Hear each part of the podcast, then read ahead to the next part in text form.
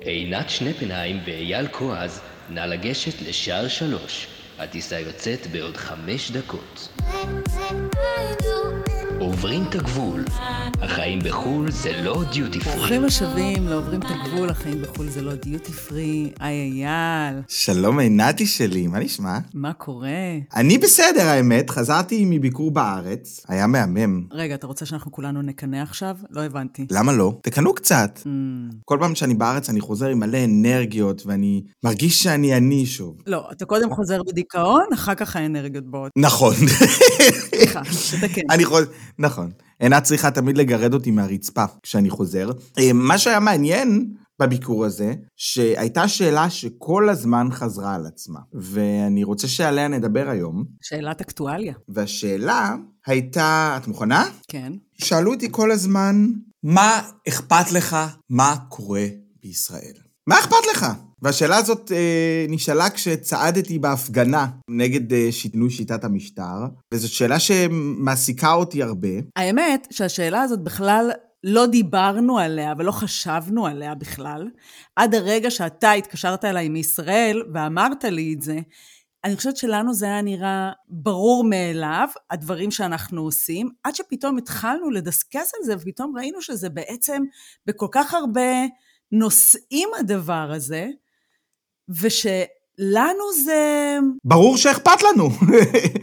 ברור שאכפת לנו, אבל זה גם החזיר אותנו לפה לגרמניה, אם אכפת לנו גם פה בגרמניה, כי השאלה הזאת היא דו-צדדית, היא לא רק מה אכפת לכם מה קורה בישראל, אכפת לכם גם מה קורה בגרמניה? נכון, אני, אני חייב להודות אבל שכשצעדתי שם בתל אביב, מצד אחד הרגשתי את החשיבות של זה, ו- והיה לי מאוד חשוב גם להיות שם, זאת אומרת, גם אם אני ב- בחופש או בנופש, היה לי חשוב להיות שם ולהשפיע, ומצד שני הייתה בי כזאת אמביוולנטיות שאמרתי, וואלה, אתה צועד פה, ואז אתה טס שבוע הבא, והם נשארים. עם, עם מה שקורה פה. ואז פתאום הייתה לי עוד פעם, שאלתי את עצמי גם, למה אכפת לך?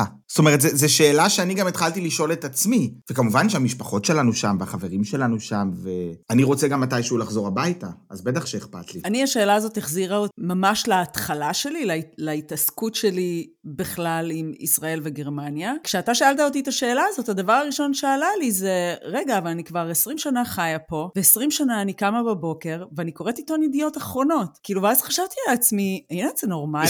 כאילו, את, את 20 שנה גרה פה, למה את לא קמה ואת קוראת עיתון גרמני? נכון? ואז, ככל שיותר המשכתי לחשוב, אמרתי, רגע, אני יודעת הכל מה שקורה בישראל, אני יודעת את כל השמות של השרים בממשלה, אני יודעת את כל הסיפורים המרגשים, הכואבים, לא משנה מה קורה בישראל, אני יודעת הכל, ואני קוראת עיתון, ואני קוראת ynet, ואני קוראת את עיתון הארץ, ואני אעבור על מאקו, ופה בגרמניה, אין לי את כמות הידע שיש לי, כמו שיש לי בישראל. נכון, יש לי ידע בסיסי, בכל זאת עברתי מבחן באזרחות פה, אז ידע בסיסי יש, מבחן האזרחות המהולל. אבל מעבר לדברים הבסיסיים של שמות המפלגות שנמצאות, שם של הנשיא, אמ, השם של הקאנצלר, את יודעת את השם של הנשיא? אני יודעת את השם של הנשיא, אני לא. השם של שם הקאנצלר. אז אני אומרת, כאילו, דברים בסיסיים יש לי, אבל מעבר לזה, וואו, פתאום תפסתי את הראש ואמרתי, רגע, אין לי, אבל זה היה נראה לי עד היום כמשהו נורמלי, כמשהו, זה בסדר, עד שאתה שאלת אותי את השאלה. כששואלים אותי מה אכפת לך מה קורה בישראל, לי יש תחושה הפוכה. מה אכפת לי מה קורה בגרמניה? עכשיו, מצד אחד, אני גר פה, כמו שאת אומרת, אנחנו, אנחנו חיים פה כבר, אני כבר 11 שנה, את 20 שנה, ובכל זאת, יותר חשוב לי מה שקורה בישראל מאשר מה שקורה פה. אני יכול להביא את זה מכיוון של מוזיקה.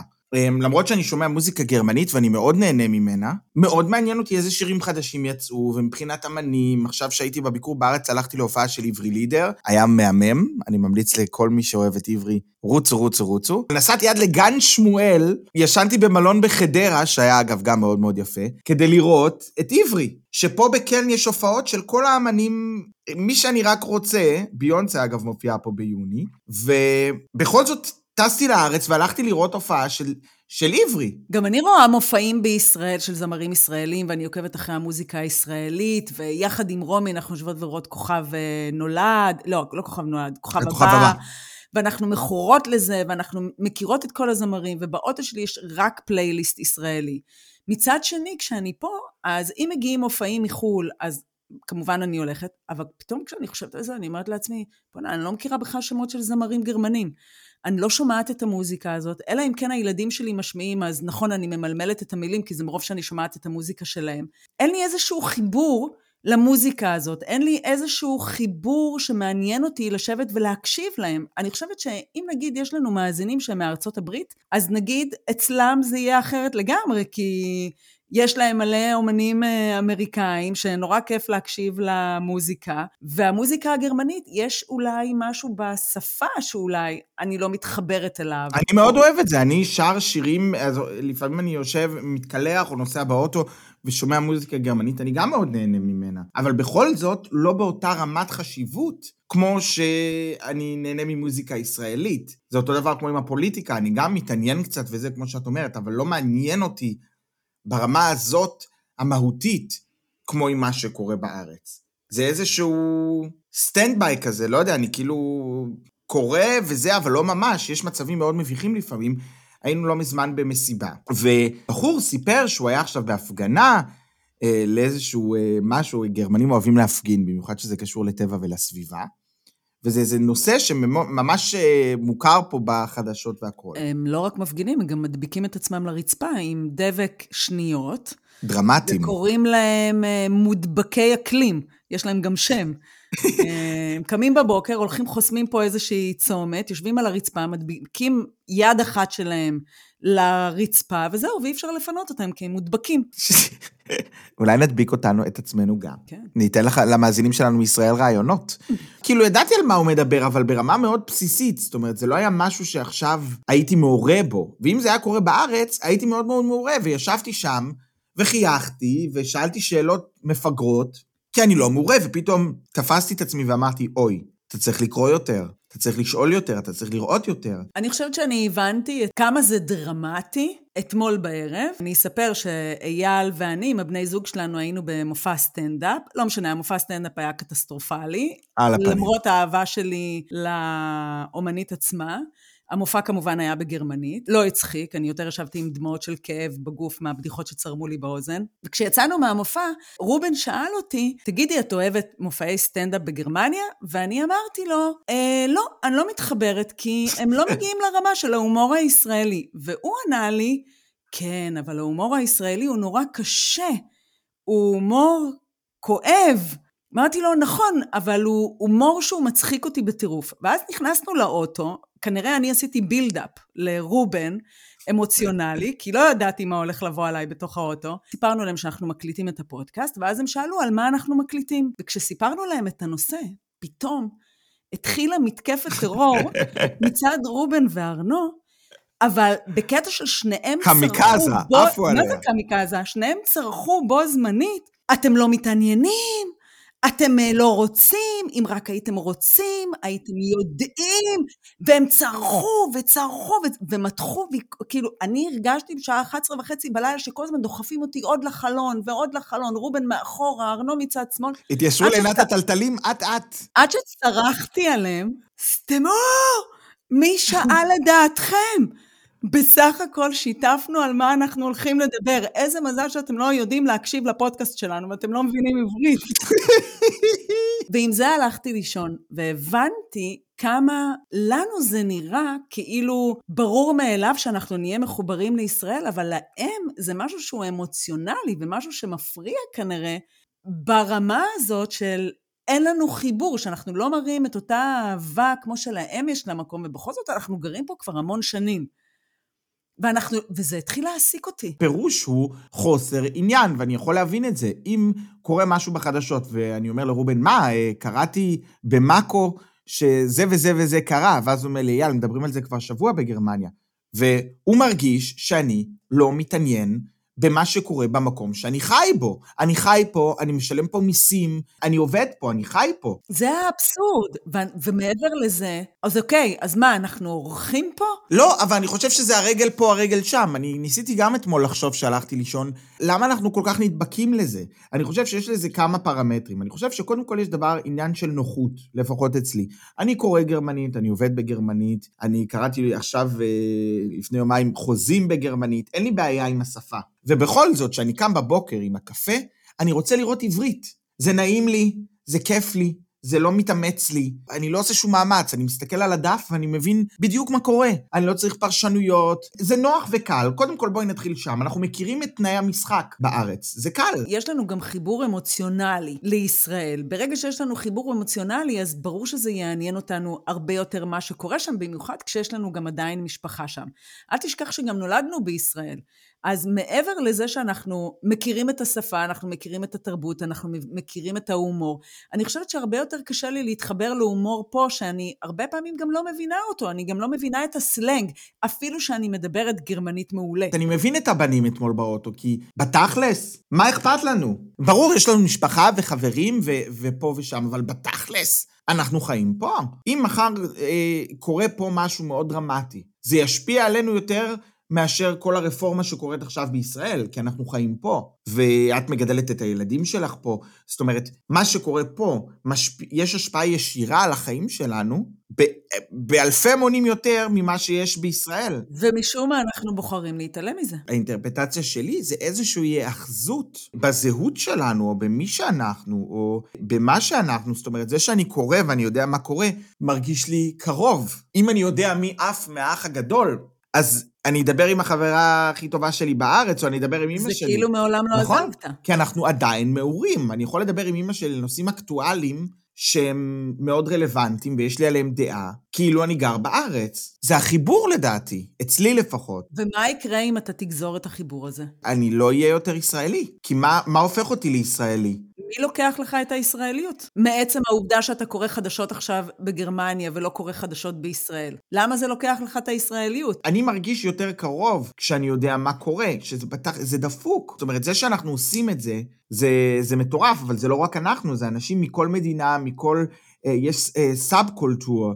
אבל יבואו אנשים ויגידו לך, מקום. אני לא נוגע בעיתון ישראלי, לא מעניין אותי מה קורה שם, לא מעניין אותי מה קורה... אבל הם עדיין מרגישים ישראלים. אני לא, לא מאמין שיש ישראלים שלא קוראים עיתון ישראלי. בטח שיש. את חושבת? בוודאי. אם אתם כאלה, תכתבו לנו בפייסבוק. בוודאי. יש אנשים שנהנים מהניתוק, מהשקט הזה, מלא להתבחבש בכל הצרות שמדינת ישראל מייצרת, ומדינת ישראל מייצרת הרבה הרבה צרות, הרבה בלגן, הרבה דרמה, וכשאתה בוחר לגור במדינה אחרת, יש בזה משהו של שקט. אני, אני משתחרר מזה, אני, אני משתחרר מהלחץ, אני משתחרר מהדרמה, אני משתחרר מהמלחמות שיש, מה, מהגזענות, אני אה, משתחרר מהפוליט... אנחנו כל כך הרבה קבוצות שונות בתוך מדינה אחת. אני חושבת שאנשים נהנים לעבור למדינה אחרת ולהגיד, יא, סגרתי את החלון הזה בראש. לי יש תחושה שאם אני לא אדע מה קורה בארץ, אני לא אהיה מחובר, וזה הפחד, לא להיות מחובר. אני גר פה בגרמניה, זאת אומרת, אם אני אדע את השם של השרה או לא, או אני אדע מה קרה שם באזור הזה שהם הפגינו או לא, לא תהיה לי איזו השפעה ישירה עליי כמו זה, שאם אני לא אדע מה קורה בישראל, אני אהיה לגמרי מנותק. זאת אומרת, בשבילי זה איזשהו חיבור ישיר הביתה. לחברים ולמשפחה. לשורשים שלי. תראי, אני עובד בטלוויזיה כבר שנים. אני רואה טלוויזיה גרמנית, ועדיין יותר מעניין אותי מה קורה בטלוויזיה הישראלית מאשר מה שקורה פה. אני גם לא יכול להסביר את זה. אני רוצה להגיד לך שאני לא רואה טלוויזיה גרמנית, למרות שהבעל שלי מייצר טלוויזיה גרמנית, שזה האבסורד כאילו אצלנו בבית, האבסורד הכי נכון. גדול שיש. נכון, אני יעקב ואני אראה דברים שהוא מפיק ודברים שהוא מפתח לטלוויזיה, וכשהוא זוכה בפרסים אז אני שמחה בשבילו ואני מעורה, ואני... הוא אבל יודע שאני לא מחוברת לזה מהמקום של אני נהנית מהתוכנית, הוא יודע שאני נהנית בגללו, אוקיי? זה לא מהמקום של אני מעריכה כי הוא יודע שאני מכורה לסדרות ישראליות. הוא יודע שאני מכורה לטלוויזיה הישראלית. שאם אני יושבת ואני רואה תוכניות סאטירה, אני אשב ואני אצחק עד דמעות ואני לא ארגע מתוכניות שאני רואה בעברית, ופה בגרמנית אני אשב ואני אסתכל ואני אבהה על המסך ואני אשאל את עצמי, אלוהים ישמור, מה זה ההומור הזה? ואני לא מצליחה להתחבר אליו ברמה... אני לא יודעת אם זה, יש בזה משהו אולי קצת... ארוגנט להגיד, ארוגנט זה בעברית? ארוגנטי זה בעברית. ארוגנטי? אני לא יודעת אם יש משהו ארוגנטי בלהגיד, אצלנו יותר טוב. אני לא חושבת שזה יותר טוב, אפילו ההפקות של הסדרות הישראליות, יש להן תקציב מאוד מאוד נמוך. זה לא הפקות אה, הוליוודיות, אבל עדיין... רואה את עצמך בהם. כן, אבל עדיין המשחק הוא אותנטי. אני חושבת שחלק מהעניין בסדרות הישראליות, שאין בהן את התקציב, הופך אותן לעוד יותר אותנטיות ועוד יותר מצוינות בעיניי, לעומת סדרות גרמניות, שהמשחק שם בעיניי הוא מאוד מאולץ ומאומץ, והוא נראה כמו משחק תיאטרון. ארנו אמר אתמול משהו מאוד מאוד יפה, שבילדות, כי ניסינו אתמול באוטו לפענח למה זה ככה, אחרי הצרחות של עינת, שלהם, ארנו אמר שבילדות, כן, כאילו זה משהו שמתקבע בילדות, החיבור הזה. שאתה גדל במקום ויש לך את החיבור למי שאתה ו- ולמה שאתה ולמקום, ואני חושב שזה נכון, תראי, אני הפקתי תוכנית שגם ראו אותי בה, באחד הערוצים הגדולים בגרמניה. היו אה, מאות אלפי צופים, שבתכלס, כאילו, זה היה הישג בשבילי, ובכל זאת, החלום שלי בתור ילד היה שהתוכנית שלי תרוץ בערוץ 22 או בערוץ 12. וזה שזה רץ בתוכנית בג... בערוץ בגרמניה, שזה גדול וזה מהמם, ואפילו שהיו הרבה יותר צופים ממה שיהיה לכל תוכנית פריים טיים בגרמניה, בישראל, הפנטזיה היא אחרת, המטרות הן אחרות, זאת אומרת, אני לא יודע להסביר את זה, זאת אומרת, לעברי לידר יש משקל יותר כבד בחיים שלי בתור מתבגר, מאשר זמר גרמני ששמעתי כשהגעתי לכאן. ריטה היא יותר גדולה בעיניי מזמרת גרמניה שממלאה... אה, אלפי... אתה מדבר על נוסטלגיה, על גיבורי תרבות שגדלנו עליהם והולכים איתנו עד היום, והם ממלאים איזשהו מקום מאוד מאוד גדול אצלנו בחיבור הרגשי, גם למדינת ישראל וגם לעבר שלנו ולילדות נכון. שלנו, מאשר פה בגרמניה, כל זמר, גם אם הוא אחד הזמרים הכי מצליחים שיש פה, זה לא עושה את זה. זה קורה בכלל גם ככה שאני, ש, שאם אני עובד עם אנשים שפה הם מאוד מאוד גדולים, אם הייתי עושה את אותם דברים שהם בארץ, זה היה בשבילי יותר מרגש, כי אתה יודע, כי גדלת בזה. אתה יודע על מה אני חושבת עכשיו? אני אומרת לעצמי, יואו, רגע, אפילו כשאני פוגשת את כל ה-who's and who's דרך ארנו, ואני פוגשת באמת את כל ה-A-סטאר פה, אני לא...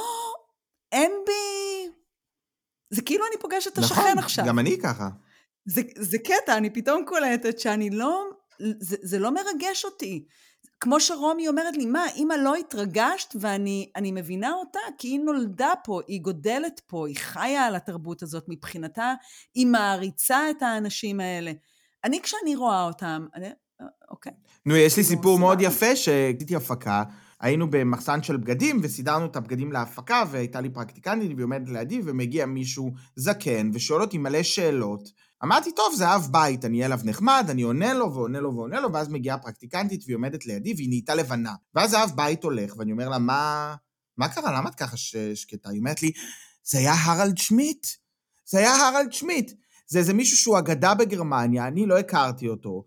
התנהגתי בצורה, הייתי כן. נחמד למזלי, אבל לא היה לי, אין לי מטען לאנשים האלה, גם כשאני עובד איתם, כמו שאת אומרת, אין לי, אין לי את הוואו, זאת היא או זאת היא, זה כאילו... כמו שאם ריטה תעמוד מולי, אני אתרגש. גם אני, שזה קטע. גם אם אני לא מקשיבה לשירים שלה, אבל הייתי, הייתי מתרגשת לראות כי זאת ריטה. נכון. כי זה בדיוק העניין. ואז השאלה אם, אם אנחנו בכלל אי פעם יכולים להגיע לרמת מעורבות כזאת פה, שתיגע בנו, כמו שישראל והדברים שקורים בה נוגעים בנו. כאילו, אם, דיברתי על זה אתמול באוטו, שהיו את ההצפות הנוראיות בגרמניה, ואימא של רובן גרה באחד מהמחוזות האלה שנהרסו. וזה לא נגע בי כמו פיגוע שקורה בארץ. אם יעוף טיל עכשיו, ואתה תגיד, אני עולה על המטוס כי פורצת מלחמה בישראל, אני חייב ללכת להיות עם המשפחה שלי במקלט. זה לא נכנס, למרות שאני שומע מוזיקה גרמנית, ואני מעורה פה, וזה אמ, לפרק אחר, אבל אני גם רואה את עצמי כגרמני ב, ב, בצורה מסוימת. כן, אבל אתה חושב שיש בזה איזושהי אטימות רגשית שלנו. שאנחנו סוגרים את עצמנו, גם כשקורים פה דברים עצובים, וגם כשקורים פה דברים טרגדיים, שמן הסתם, נכון, זה כואב לנו, כאילו, אנחנו מסתכלים, זה כמו להסתכל על כל טרגדיה שקורית בעולם, אבל זה כאילו, אם אני אסתכל על טרגדיה שקורית במדינה אחרת, אני אגיב לה רגשית כמו שהיא קורית פה בגרמניה. נכון. כאילו היא לא שלי, כאילו היא רחוקה. אפילו שהיא פה חושב, שכונה לידי. אני מבין מה את אומרת, אני חושב ששנינו יש בין... יש איזשהו מקום שאני מתישהו רוצה לחזור לארץ. זאת אומרת, אני חושב שהארץ זה הבית שלי. זה אדמה שלי. ובגלל זה אני כל כך מחובר אליה, שמה שקורה שם מאוד מאוד נוגע בי. האנשים שגרים שם הם כמוני, ואני מרגיש מחובר אליהם. אני חושב שזה משהו, אם אני קצת הולך ליותר פילוסופיה, תרשו לי מאזינים יקרים, כמו שאומרים שיהודים וישראלים, תמיד כשהם מתראים, מתראים ברחוב או פוגשים אחד את השני בטיול, יש איזושהי תחושת שייכות מאוד מאוד מאוד גדולה, שאי אפשר להסביר אותה. כשאני פוגש ישראלים, או מישהו שאומר לי שהוא יהודי. ואתה יודע מה, מה? אתמול אה, רובן אמר? מה? כשאני בחופשה ואני פוגש גרמנים, אני בורח. נכון, זה בדיוק זה. זה החיבור הזה שאי אפשר להסביר. כל הצרות שיש לנו בארץ, ועם כמה שאנחנו לפעמים רעים אחד לשני, וטוקבקיסטים, וכרגע מה שקורה גם בארץ אה, מאוד קשה, עדיין יש משהו ב- ביהדות ובישראליות, שאנחנו פוגשים אחד את השני, ואנחנו ישר מרגישים משפחה. אני חושבת שיש בזה גם את החשש שלנו מלאבד את הזהות שלנו באיזשהו מקום. אם אני חושבת על הזהות שלי, על הזהות הישראלית שאני מאוד נאחזת בה, ואני מסרבת וממאנת אה, להיות גרמניה, למרות שיש לי דרכון אה, גרמני, מבחינתי זה רק מסמך. אני חושבת שיש בזה גם את הפחד שאם אני, אם אני אפתח את הלב שלי לעוד מקום ואני אכניס את גרמניה, כאילו בראש שלי אני לא אחזור לעולם לישראל, למרות שאני יודעת שאני לא חוזרת לישראל. אף פעם? אני לא יודעת אם אף פעם, אבל כרגע זה לא... יש לך תוכנית. נכון, שאנחנו נהיה בפנסיה, שזה גם התוכנית של ארנון, אבל אני אומרת, אם אני אכניס את גרמניה ללב שלי, כמו שישראל יושבת בתוך הלב שלי, אז עלול להיווצר מצב שאני אגיד, אה, טוב, אני לא צריכה אבל כבר את ישראל, כי אני אוהבת גם את גרמניה, אז אני כבר יכולה להישאר פה. ואז זה מעביר אותי אולי למחשבות קצת מטורפות, ומה יקרה אם אני אמות? אני אקבר פה? או שאני אקבר בישראל? אני לא רוצה להיקבר פה, זה גם, זה נכון. אז, אז זה מה שאני אומרת. כל עוד אני לא להיקבר? מכניסה את גרמניה ללב שלי, ואני לא מתחברת למוזיקה. איפה את רוצה להיקבר? בישראל. אבל כל עוד אני לא מכניסה את המוזיקה, ואני לא נכנסת רגשית גם בטרגדיות שקורות פה, שמבחינתי כאילו הן רחוקות, הן קרו במדינה אחרת, אז ישראל תמיד תהיה בלב שלי, ואם אני לא מנתקת, אז אני יודעת שיש את הסיכוי שאני עוד אחזור. נכון, יש בזה משהו. זה, זה כאילו, יש שם את הפחד הזה, ש, שזה אבסורד כשאני מדברת על זה ואני שומעת את עצמי. כאילו ישראל היא אהובתנו וגרמניה היא רק המאהבת, שאת uh, הולכת אליה לפעמים כדי שתפנק אותך קצת, אבל את בדיוק. עדיין חושבת על, ה... בדיוק. על הבחורה שתתח... על הבחורה או הבחור שת... שנתחתן איתו. אז יבואו אלה מהפוליומורה ויגידו לך, אבל אפשר לאהוב שניים ביחד. נכון. זה אפשרי. אבל אם זה היה כזה לגיטימי ואפשרי, אז כולנו היינו חיים בפוליומורה. עדיין נכון. כולנו אה, חיים ב... רובנו. מונ- רובנו חיים במונוגמיה. אז אולי אנחנו צריכים לפתוח את הראש ואת הלב ואת הרגליים, ממי. ולהפוך לפוליומורה. ולאהוב גם יאללה. את גרמניה וגם את ישראל. בו זמנית. יאללה. קשוח. קשוח מאוד, אז אני אשאל אותך, עינתי. אכפת לך מה קורה בישראל? ברור שאכפת לי. אני לא חושבת שאני אפסיק להתעניין ולאהוב את מדינת ישראל ולהיות חרדה לגורלה ולמה שקורה שם, אה, בלי קשר לדעות פוליטיות, לימין ושמאל, חרדים, אה, חילונים, אין איזה קשר. אני חושבת שהמדינה הזאת מייצרת אה, כל כך הרבה חרא, אבל זה החרא שלנו. ואי אפשר, אני לא, אני לא חושבת שיום יבוא ואני אתנתק מזה, כי זה חלק מהזהות שלי, זה חלק משאני גדלתי, ואני יודעת שאני מעבירה את זה לילדים שלי, כי אני רואה על הילדים שלי איך הם שרים את השירים הישראלים, ושהם מכירים זמרים, ושהם מכירים אומנים מישראל, והם אוהבים את זה. והבת שלי הגיעה לגיל עכשיו שהיא אומרת לי, אמא, בחופשה הבאה בואי נלך לאיזה קונצרט של מירי מסיקה, או של אה, קרן פלס, או שירי מימון, אני רואה אותם בתוכניות טלוויזיה, היא מתאהבת, יש לה חיבור, ואני אומרת לעצמי, אבל הנה, לרומי זה אפשרי. נכון. היא אוהבת ומתחברת לשני המקומות. כי היא גדלה עם שניהם. כי אנחנו, אני חוזר עוד פעם למה שארנו אמר, שאנחנו גדלנו במקום אחד ובנינו את החיים שלנו בישראל עד גיל מסוים, ואז אולי זה יותר קשה לפתוח את הלב. היא, נכון, היא חווה את שני הדברים בתוך הבית, אז בו זמנית היא מפתחת את האהבה, והיא, מבחינתה, היא אהבה טבעית לשני המקומות. גם נכון, מבחינת הידע, גם מבחינת להיות מעורה בתרבות, מבחינת הכל. נכון. אז אה, נתי, בואי ניתן לעצמנו משימה, לנסות לפתוח את הלב שלנו קצת יותר. לא, אז עכשיו השאלה, אנחנו מסכמים את הפודקאסט בשאלה אחרת. איזו? אכפת לך מה קורה בגרמניה? איי, קרמבה! האמת, שלא. סתם. תלוי מתי, אכפת לי.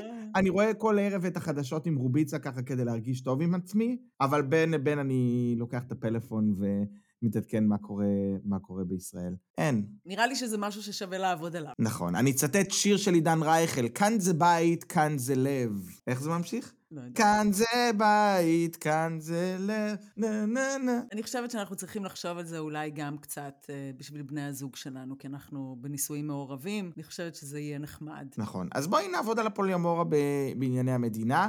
אה, אנחנו מבטיחים לעדכן אתכם אה, איך זה מתפתח אצלנו. אם נשארנו מונוגמים או עברנו לפוליאמורה. אז אה, תודה שהייתם איתנו היום. תעקבו אחרינו בקבוצה בפייסבוק, עוברים את הגבול, החיים בחו"ל זה לא דיוטי פרי. תכתבו פוסטים, שתפו אותנו אם יש לכם משהו שיושב לכם על הלב, זו קבוצה משתפת. אם לא, עינת תצעק עליכם כמו שהיא צעקה אתמול באוטו, ואתם לא רוצים חברים שלי. והכי חשוב, תעשו follow ב Apple Podcast, בספוטיפיי, תעשו לנו follow. ותקבלו התראות מתי הפודקאסט עולה. בדיוק, ותנו חמישה כוכבים, חברים שלי. פרגנו, תנו בפרגון. שיהיה סוף שבוע מהנה. מטריף, מדגדג ומלא ברק. ביי. ביי אוש.